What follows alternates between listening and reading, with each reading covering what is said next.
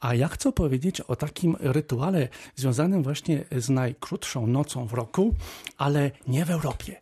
Bo nie wiem, czy Państwo wiecie, ale nasza Nasz glob to są dwie różne półkule i czas płynie bardzo różnie. Najkrótszy dzień w roku na półkuli północnej jest zupełnie kiedy indziej niż na półkuli południowej. Na półkuli południowej najkrótszy dzień w roku Ja wiem, nie ja jest wiem. w czerwcu, tylko Tylko w grudniu. tak jest. Brawo dla I właśnie wreszcie. Marek zdał egzamin znakomicie. Jak wie, to mówi. Ty tak Nawet jak nie wie, to tak, mówi, Marko, no, też ci radzę, czasami się odzywaj, bo to jest twoja audycja. W każdym razie ja będę jechał, żeby wam troszeczkę ulżyć. Otóż jest takie malutkie państewko, nazywa się Swaziland, na samym dole Afryki, na wschodzie, otoczone Mozambikiem. Niewiele tam ludzi mieszka, ale mają zwyczaje zupełnie niezwykłe. Otóż oni właśnie w grudniu obchodzą najdłuższe chyba i najbardziej spektakularne święto najkrótszej nocy w roku tego przesilenia. Otóż jest to święto i to a propos tego, co Marku opowiadaliśmy sobie o tych seksualnych rozwiązłościach, właśnie adresowane dokładnie odwrotnie do tych wszystkich, którzy są uczeni i tresowani do wstrzemięźliwości. Otóż główną rolę w tym y, święcie odgrywają chłopcy dziewice, tacy, którzy jeszcze nigdy nie mieli żadnego seksu, czy to z kolegą, czy z koleżanką To się nazywa prawiczek. prawiczki, i to, ale chłopcy koniecznie. I oni przygotowują szałas i tylko oni mogą od, uciąć święte drzewo akacje i krzewy akacjowe i z tego budują szałas. Bo głównym y, zadaniem tego święta, które trwa cały miesiąc, jest wzmocnienie władzy królewskiej. Kam król jest monarchą absolutnym. I najpierw ci chłopcy budują szałas, taki właśnie, żeby nikt nie mógł zobaczyć, co będzie w środku. Ludność tańczy i w tym wszystkim są tacy tak zwani kapłani wody, oni się bamanty nazywają. Oni są bardzo groźni, mają wszyscy odszczepy takie drewniane, oczywiście są półnadzy, ale groźnie pomalowani, tam skaczą, śpiewają znakomite pieśni i trwa to i trwa to tak, aż ten szałas zostanie zbudowany. I wtedy ten szałas, jak kiedy już jest zbudowany, to chłopcy doprowadzają do tego szałasu co bardziej dzikiego byka. I jeden taki właśnie prawiczek ma tego byka ujarzmić, ale gołymi rękami. Więc boso stoi w tym szałasie, łapie tego byka za rogi i tak go tam jakoś To próbuje... mocny strasznie musi być ten to jest, prawiczek. po, to jest, po, to jest po, po, pokaz siły. A inne prawiczki biją pięściami, biją pięściami, żeby byk osłabł. I kiedy już ten byk jest totalnie pokonany i obity, to wtedy do tego szałasu wkracza król. Wtedy król jest ubrany za Ale czy- czy- zwierzęcia. ja, ja, ja, król ubrany za zwierzę, tutaj kropka, ja chciałem to pytać. Czy to jest jakiś, e, m, jakaś inicjacja dla tych młodych chłopaków? To jest pokazanie, e, Tak, każdy z tych chłopców stara się że są już mężczyznami, a nie, to a nie chłopakami? tak, Znakomicie, Marku, ponieważ ten, który Lizus, najsilniejszy Lizus. będzie, dostanie najlepszą pracę, bo król jedyny w tym, bo to jest monarchia absolutna, król, rozdaje etaty. I po takim święcie król tych najsilniejszych będzie mianował strażnikami swoimi y, ochroniarzami. I oni będą mogli zarobić. Tak, będą mieli króla. kasę, czyli to jest taka do pracy. I teraz najpiękniejsze, bo to się nazywa inkwala, to święto. I wtedy, kiedy już ten byk jest ujarzmiony, wchodzi prze, przemalowany i przebrany za zwierzę właśnie ten król i ten król wznieca się, kiedy już ma erekcję, wprowadza członka do pochwy tego byka, czy do Ale zadka zaraz. tego byka, sorki, do zadka tego byka, do, i tam pompuje, No ale nie może tam dokonać ejakulacji, ponieważ na wagę złota jest sperma królewska. I kiedy ten król już jest bliski ejakulacji, wyciąga penisa i tej a- ejakulacji dokonuje tym wystrzałem do rogu, specjalnego złotego rogu, w którym zbierana jest sperma królewska. I to się dokonuje trzy razy, a potem Teraz przepraszam. Król musi. Trzy byki, trzy byki. To są trzy różne byki, które Ale są zaraz, przyprowadzane. jeden byk był. Pierwszy byk jest zabijany po tym, jak król dokonał ejakulacji. Dobrze. Przyprowadzany jest nowy byk, który jest I tak samo zbity. ma- Nowy chłopiec się popisuje, ale ten byk nie będzie zabity, będzie puszczony wolno, będzie zabity kolejnego roku. I czy A tego potem drugiego byka ten król też? Też. Król musi trzy byki No to- to- y, to że tak powiem, zgwałcić. święto. No ale, ale to nie koniec, bo z tej spermy się robi potem ciastka, to się miesza z mąką i ci wybrańcy, elita tego narodu, je te ciastka i to im zapewni moc na cały rok, a król w ten sposób ponoć demonstruje swoją władzę i kontrolę nad społeczeństwem. I to się odbywa e, w wieku XXI. To się w teraz odby- 2000, mało tego- Znaczy odbędzie się za pół roku. To się To odbywa... A odbyło się pół roku temu. jedziemy. Oczywiście. Y, tych- Nie, nie, ja tu y, nie jadę. Ponieważ y, to wszystko, co jest y, tą taką sekretną częścią rytuału, odbywa się w chacie, która jest totalnie odseparowana, bo oni tym, tymi krzakami zasłaniają wszystko, więc nikt tego nie może widzieć. Czyli to jest ten szałas, jest odseparowany, tak? Tak, i on w tym szałasie, y, czyli to nie jest publiczne. Natomiast y, ponoć, i znowu ja znalazłem takie strony prowadzone internetowe przez byłych strażników, takich właśnie, którzy kiedyś tego byka ujarzmili, dostali fajną robotę, ale potem coś się tam im nie powodziło i zostali wyrzuceni. Być może to jest zemsta, ale jeden z takich strażników napisał na swoim blogu, że król już kiedy jest tak strasznie rozniecony tymi bykami, które zgwałcił, no to bierze się za żony, a tam jest wielożeństwo i on ma tych żon co najmniej dwie, akurat obecny ma dwie i on te żony publicznie również y, troszeczkę upokarza, bo to jest bardziej jak gwałt niż jakiś stosunek seksualny, a to się odbywa już na widoku ponoć ludzi. Nie wiem, czy to jest rzeczywiście prawda, ale takie znalazłem. Czyli jeżeli mówimy A o może, seksie... się chcieli, a może się chcieli ci, którym nie poszło, zemścić na tym Więc, królu. I... więc dlatego Jest tak mówię.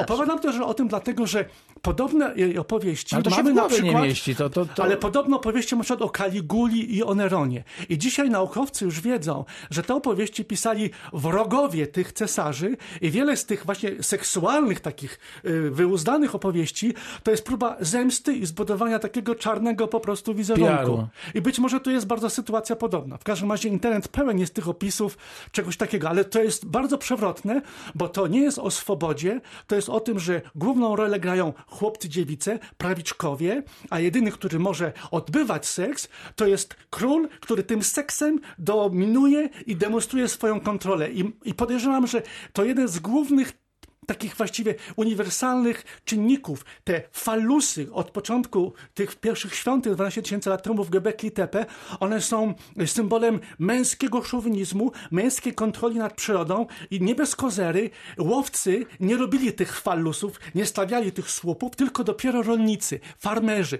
Rolnik, farmer to jest ten, który nauczył się od przyrody, jak przyroda funkcjonuje i próbuje naśladując przyrodę wziąć kontrolę nad światem natury.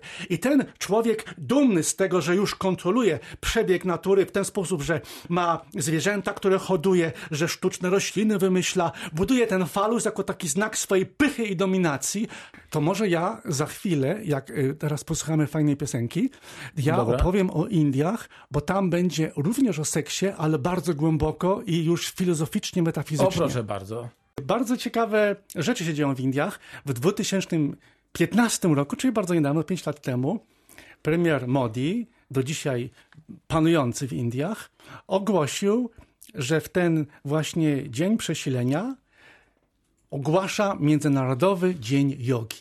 I tego pierwszego razu ponad 30, prawie 36 tysięcy ludzi uprawiało jogę. To zupełnie wielki fenomen i w ten sposób właśnie też ciałem i też jakoś tam seksualnie, bo jest yoga seksualna, tantra, czczono właśnie te przesilenie. Ja mm, chciałem o Indiach troszeczkę powiedzieć, ponieważ jak, jak rozmawiamy właśnie o tym seksie w życiu różnych kultur, to Indie są y, przypadkiem szczególnym, bo tam właśnie nigdy żadni chrześcijanie nie zdominowali tych Hindusów na tyle, żeby narzucić zupełnie nową opowieść na ich tradycyjne źródłowe narracje. I te Wedy do dzisiaj są aktualne i Hindus to jest ten, który rozumie Wedy, który potrafi recytować w sanskrycie Wedy, ten y, Hindus, który jest wierzącym Hindusem. I y, z tej religii Wed, która jest w rękach braminów, takiej kasty, to oczywiście jest problem, bo to jest hierarchizacja wtedy społeczeństwa, że jest, kastia, która jest ważniejsza, ale i tak, tak jest w tej właśnie tradycji Indii wedyjskiej. Otóż bramini narzucili bardzo ciekawą koncepcję życia Hindusom. Otóż są trzy fundamenty tego życia. Jednym oczywiście to jest to, co się nazywa po, w języku sanskryckim dharma, czyli porządne życie. To jest to, żeby być moralnym, żeby prawa przestrzegać.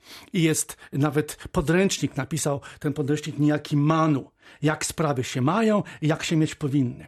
I drugą częścią, drugim fundamentem życia człowieka powinna być arta. I też na ten temat mamy podręcznik, to napisał Kautylia. I to jest y, coś, co jest zupełnie niezwykłe, przypomina raczej Machiavellego, jak być bogatym, jak mieć sukces, jak wymanewrować innych, jak manipulować rzeczywistością. Świństwa, jakie należy robić, żeby odnieść sukces materialny, jak najwięcej kasy mieć. I to jest fundament życia wedle Hindusów. A trzeci ten fundament to właśnie kama. Miłość, seks, ale też dobre jedzenie, malarstwo i właśnie niejaki Vatsyayana Malanaga napisał księgę Kama Sutra, bardzo, bardzo znaną w kulturze europejskiej, ponieważ tam w jednym z rozdziałów opisane są bardzo, bardzo szczegółowo różne pozycje seksualne. Seks jest fundamentem tej kultury.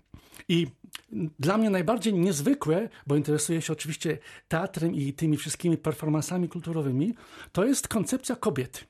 Otóż kobiecość, co w języku sanskryckim nazywa się prakrti, prakrti to jest tancerka, wieczna tancerka. I w tej... Czyli taki piękny byt. Ale to jest jeszcze ciekawsze, mhm. bo to nie tylko jest piękne do podziwiania, ale to jest erotyczne. Ona tańczy, żeby uwodzić męskość, czyli paruszę. I tą męskość nie tylko uwodzić, ale ją w sieć maja, w sieć ułudy, ot, o, otaczać tą siecią ułudy, żeby ten niekończący się cykl pożądań, narodzin i śmierci wyczerpywał. Taniec jako forma wzbudzania pożądania jako forma doprowadzenia do orgazmu.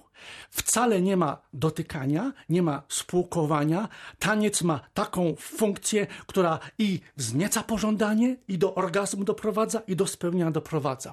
Czyli performance, sztuka, czy taniec, sztuka teatru potem mają fundamentalne życie dla człowieka, bo zapewniają mu też te aspekty życia przyjemnego.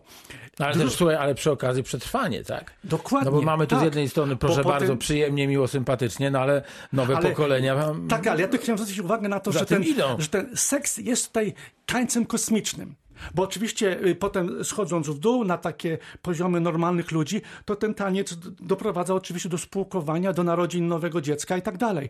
Ale jakby źródłem i modelem dla tego tańca jest kosmiczny taniec, który trzyma całą rzeczywistość w takim balansie, w takiej równowadze. Bo oczywiście jedną stroną tego wszystkiego jest ta obecność seksu w życiu jako czymś jako czegoś podstawowego. Y, odpowiedzią na to są takie ruchy, jak na przykład pojawiający się w pierwszym wieku, już po Chrystusie, ruch, który potem będzie nazywany paszupatas to są ludzie, y, którzy czczą siwę jako pana zwierząt, odrzucają całe życie cywilizacyjne, cały postęp, zamieszkują przy miejscach kremacji, w ofierze składają płyny seksualne. To będzie bardzo istotne, bo płyny seksualne, dla nich płyny seksualne to nie tylko jest sperma. Y, wtedy w Indiach uważano, że i kobieta wydzieliny jakieś produkuje. To może być menstruacyjna krew na przykład. Jest cała osobna tradycja traktowania traktowania seksu jako takiego, jakie taką gospodarki tymi płynami seksualnymi. I pewne, y, pewna tradycja tantry. Tantra to jest taka najbardziej ezoteryczna y, praktyka, która y, ma doprowadzić do przekształcenia, do przemienienia. Ona została rozwinięta na dworze królów. Królowie w normalny sposób byli traktowani jako partnerzy bogiń. I teraz, żeby móc doprowadzić do stosunku seksualnego z boginią, takiego króla trzeba było przemienić w Boga. w Boga. To, I to do tego tantra. Żebyśmy mogli to ze spokojem przetrawić, bo tego jest tak strasznie dużo, a tantra jest ogromnie ważnym, bo teraz tantra jest z powrotem bardzo modna. Yoga tantra zaczyna się ogromna ekspansja tantry i też ja myślałam, że ponieważ mówimy, program jest jednak o intymności i o seksie, będziemy musieli o tej tantrze dużo mówić. Możemy troszkę zagrać i za chwilę na spokojnie raz jeszcze do tej tantry, żeby ją oddzielić jak gdyby i uszanować. Tak, dobrze? a jeszcze sobie pomyślałem, że u nas jest prościej Bo u nas jest mieć albo być, nie? To jest takie podstawowe pytanie. Mieć albo być. A tutaj proszę bardzo, w e, e, tych wschodnich kulturach mieć, być, no i jeszcze, e, jeszcze ta przyjemność. Doznawać. e, Doznawać właśnie. O, to szukałem takiego Jak być, słowa. czyli tak. jak być. Nie? A u nas nie, albo, Jakość życia jest tak, tak istotna, jak to, Tak. co masz, ten przedmiot. tak, albo, albo kim jesteś. Bo wtedy wiesz, wtedy się umiesz tym ucieszyć. No bo, tak, to jest, bo- bo to jest w ogóle, na przykład ja to nazywam też w wielu krajach afrykańskich, definicja człowieka poprzez esencję albo poprzez relacje. To, za kogo mnie mają, albo to, za kogo ja siebie mam sam. Mhm. I w Indiach mówi, rozpoznaj w sobie siebie, ukochaj siebie, wtedy będziesz mógł ukochać też innego. Tantra pojawia się w dokumentach y, takich, które już możemy datować, mniej więcej w VI do VIII wieku po Chrystusie. Rozkwit tantry y, z tego, co możemy dzisiaj szacować, to dopiero X wiek, czyli to tak naprawdę jest średniowiecze.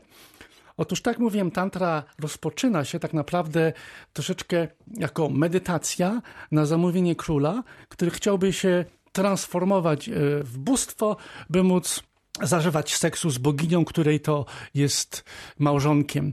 Ale oczywiście to... Ale ja, ja mam pytanie, Tak. bo ja jestem ten, który nic nie wie, to może pytać, nie?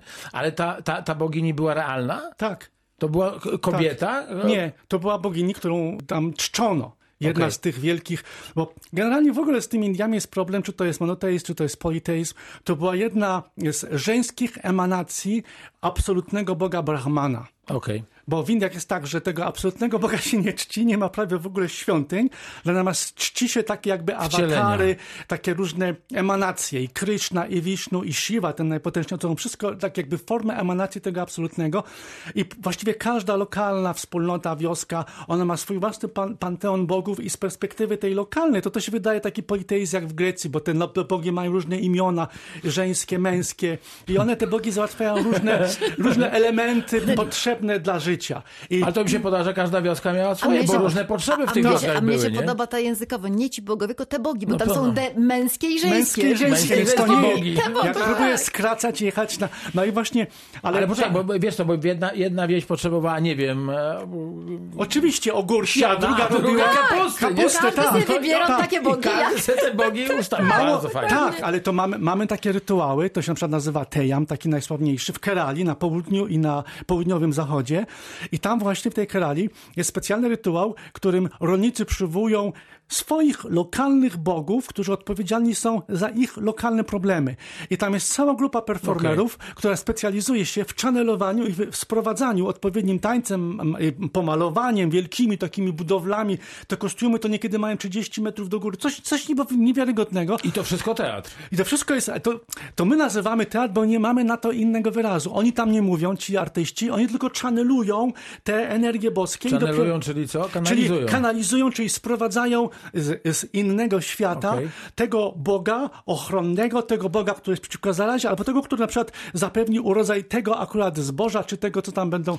No, ale Wróćmy do tego dwór, króla. tak. Przy tantrze wracajmy. On jest- chciał I- z boginią. Tak, i teraz przemienienie A króla. bogini nie była realna, żeby to było jasne. przemienienie, Była realna. Była realna, bo temu królowi to jest to, No to że... czekaj, no była czy nie była? To Tak. była kobieta, to była emanacja w Nie, kobiecym musisz, ciele, tak? nie, musisz, Dobrze. tak, musi, musisz Dobra, zrozumieć, okej. że tak, bardzo często tą boginią była kapłanka tego Okej. kultu, w, którym, w którą tą boginię, tak, by, na przykład tak się też działo bardzo często w antycznej Grecji. Na przykład podczas antesteriów król Basileos spółkował z jakby Afrodytą, którą była kapłanka Afrodyty, a bardzo często to była jego żona. To samo się działo na przykład w Mezopotamii. Czyli ludzie się umawiali, tu jest Bóg, tu jest bogini Tak. i teraz trzeba... Nie umawiali.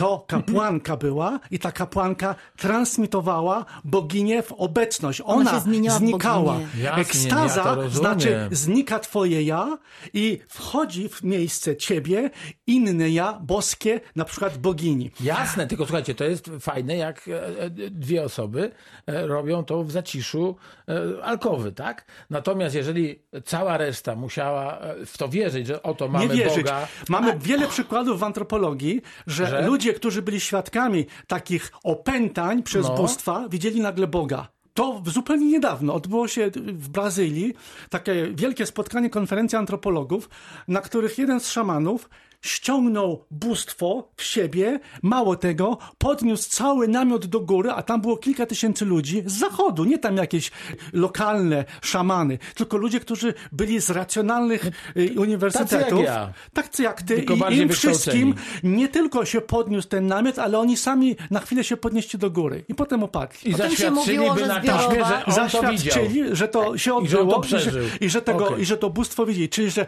w momencie opętania przez bóstwo, ty nie masz siebie, tylko twoim ja staje się to bóstwo i ty I widzisz wszyscy, tym bóstwem. widzą tą sytua- tę sytuację, są przekonani, że tak Czują, jest. czują to samo. wąchają Dobra. i tak w dalej. tradycjach Okej. religijnych mówi się, że widzi się nie to, co jest, tylko to, co się wie, że jest. Mhm.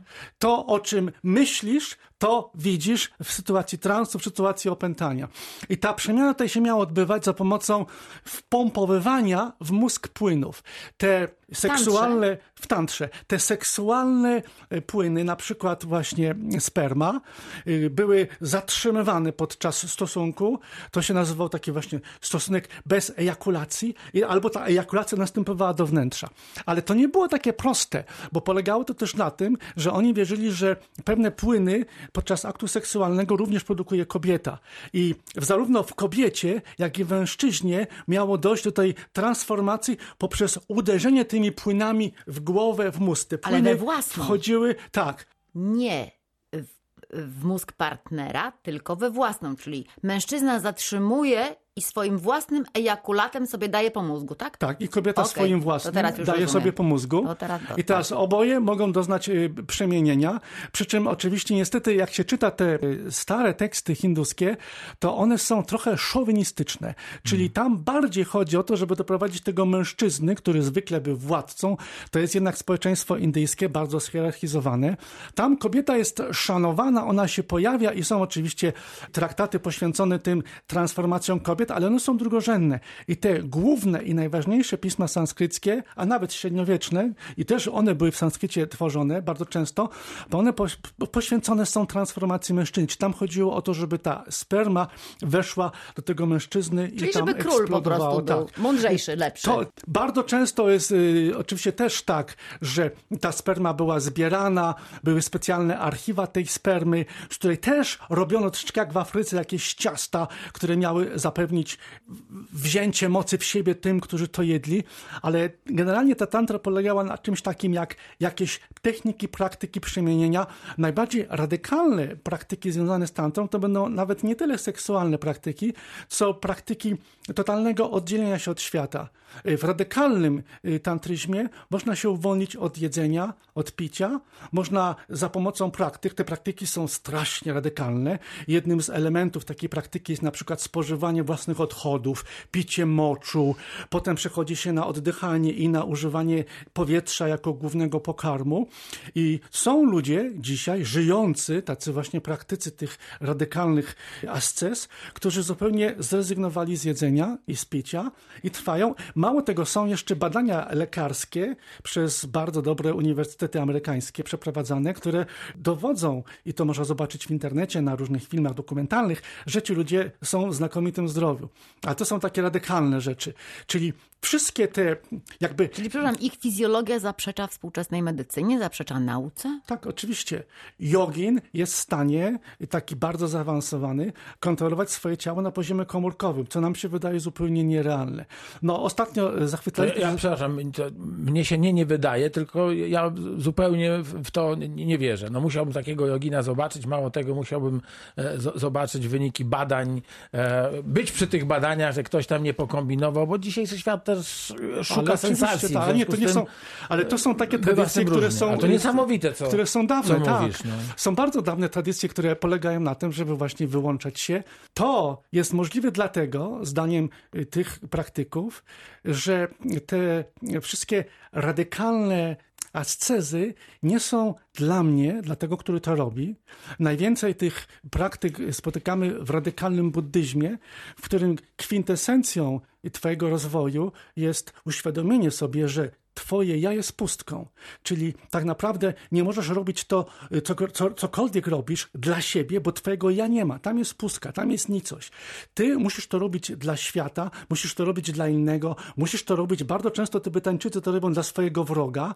Dopiero wtedy nabiera mocy, siła transformacji jest możliwa, nabiera mocy twoja praktyka i staje się to możliwe, że uwalniasz się od tej rzeczywistości, zdajesz sobie sprawę, że jesteś pustką, jako ta nicość i pustka nie potrzebuje żadnej wymiany ze światem, pokarmów czy czegokolwiek, czyli doznajesz takiego absolutnego orgazmu w samounicestwieniu się i w rozlaniu się, utożsamieniu się z całym światem, który jest wokół ciebie. Wow. To ja proponuję jeszcze na chwilę właśnie, wrócić właśnie, do Anglii nie, wła, i do Europy. Właśnie, właśnie chciałem Państwu powiedzieć, że e, profesor Mirosław Kocur e, uwielbia Szekspira. I dogadaliśmy się za Państwa plecami, że e, koniec będzie Taka o śnie... ustawka, tak, ustawkę. ustawka Zrobili że, sobie ustawkę, tak? Że, że, że ten... Żeby się Kocur mógł popisać. Tak, to dru, drugi nawias to będzie sen nocy letniej. Tak, bardzo, no bo od bardzo. nocy letniej zaczęliśmy dzisiaj. Ale tylko po angielsku, panie Nie, nie, nie, nie, bardzo proszę. Midsummer Night Dream. To jest bardzo, bardzo y, wspaniała sztuka, która przez 200 lat zupełnie była ignorowana. Y, pomyślałem, że może warto o tym powiedzieć, ponieważ w tej chwili, w okresie pandemii, jest czas na streamingi, na udostępnianie przez y, wielkie teatry świata za darmo spektakli. I właśnie tydzień temu, czy gdzieś tak, może 10 dni temu, zakończył się taki streaming tego sławnego teatru Globe w Londynie. Mhm. To jest ten teatr szekspirowski, ale niestety nie zbudowany na miejscu oryginalnego Globe, bo tam już jest y, centrum finansowe. Tak gdzieś mniej więcej 100 metrów chyba jest y, z boku to, to ta nowa budowla, ale ona jest bardzo blisko tego oryginalnego Globu. I ale zrobiona na tak, podobieństwo. na ile się dało, ponieważ tylko niewielkie fragmenty fundamentów udało się odkopać, bo to bardzo jest w tej chwili zabudowana część akurat Londynu, tego oryginalnego globu. Ale o, to, o, o czym mówię? Otóż w 2013 roku odbyła się tam premiera zupełnie niezwykłej inscenizacji właśnie Snu Nocy Letniej. Pierwszy raz ukazano duszki, nie jako takie sobie właśnie bezdroskie idioty, co zabawiają się i robią dziwne chocki, klocki, tylko groźne siły natury przerażające, takie właśnie ziemskie, brudne, genialny pak, i to po angielsku, a puk po polsku, ten taki dziwny stworek, który robi psoty i różne takie dowcipy, no i też oczywiście genialny Oberon, genialny aktor, który gra tam tą główną rolę tego rzemieślnika, który po polsku nazywa się Spodek, po angielsku Batum, który jest takim groźnym, troszeczkę śmiesznym pyszałkiem zamienionym w osła. Y, I oczywiście w symbol seksu. I Scenoce letniej prawdopodobnie Szekspir napisał w roku 500 1596, to nie jest do końca jasne. Nie mamy żadnych świadectw premiery tego w teatrze, nie wiemy jak reagowała publiczność. Y, potem parę mamy świadectw o różnych interpretacjach tego, ale co dziwne, to się staje dopiero popularne w czasach nowożytnych, ten dramat. Natomiast dzisiaj dla naukowców to jest niesamowite źródło i świadectwo właśnie tych wczesnych y, y, takich praktyk religijnych, rozwiązłych i być może nawet swobody seksualnej. Bo jeżeli w przypadku słowiańszczyzny i średniowiecza niewiele mamy świadectw, mamy przepiękne wiersze Kochanowskiego, które zachowały trochę z tego, co mogło być kiedyś tam w średniowieczu. Właśnie o nocy świętojańskiej, takie są pieśni o pannach, które tam każda inaczej to doświadczała. Natomiast sen letniej jest przepełniony seksem. Szekspir jest geniuszem językowym. On tworzy język angielski nowożytny. To jest ten czas, w którym te wszystkie takie żargony przemieniają się w ten język oficjalny. Już niedługo król Jakub zaordynuje napisanie Biblii po angielsku i to będzie ten moment przełomowy, że narodzi się ten język nowożytny. Ale u Szekspira to jeszcze jest ten język taki niegotowy. Jest wiele pojęć, które są pisane w jednym dramacie różny sposób ortograficznie więc ten język tak się jeszcze dzieje i, i tak się jakby dopiero definiuje. Dlaczego o tym mówię? Ponieważ Szekspir jest mistrzem wieloznaczności. Wiele tych kluczowych słów ma również dwuznaczne drugie e, sensy, które są bardzo seksualne. Niekiedy są wręcz tak erotyczne, niekiedy są tak wulgarne. Żaden tłumacz tego nie przetłumaczy.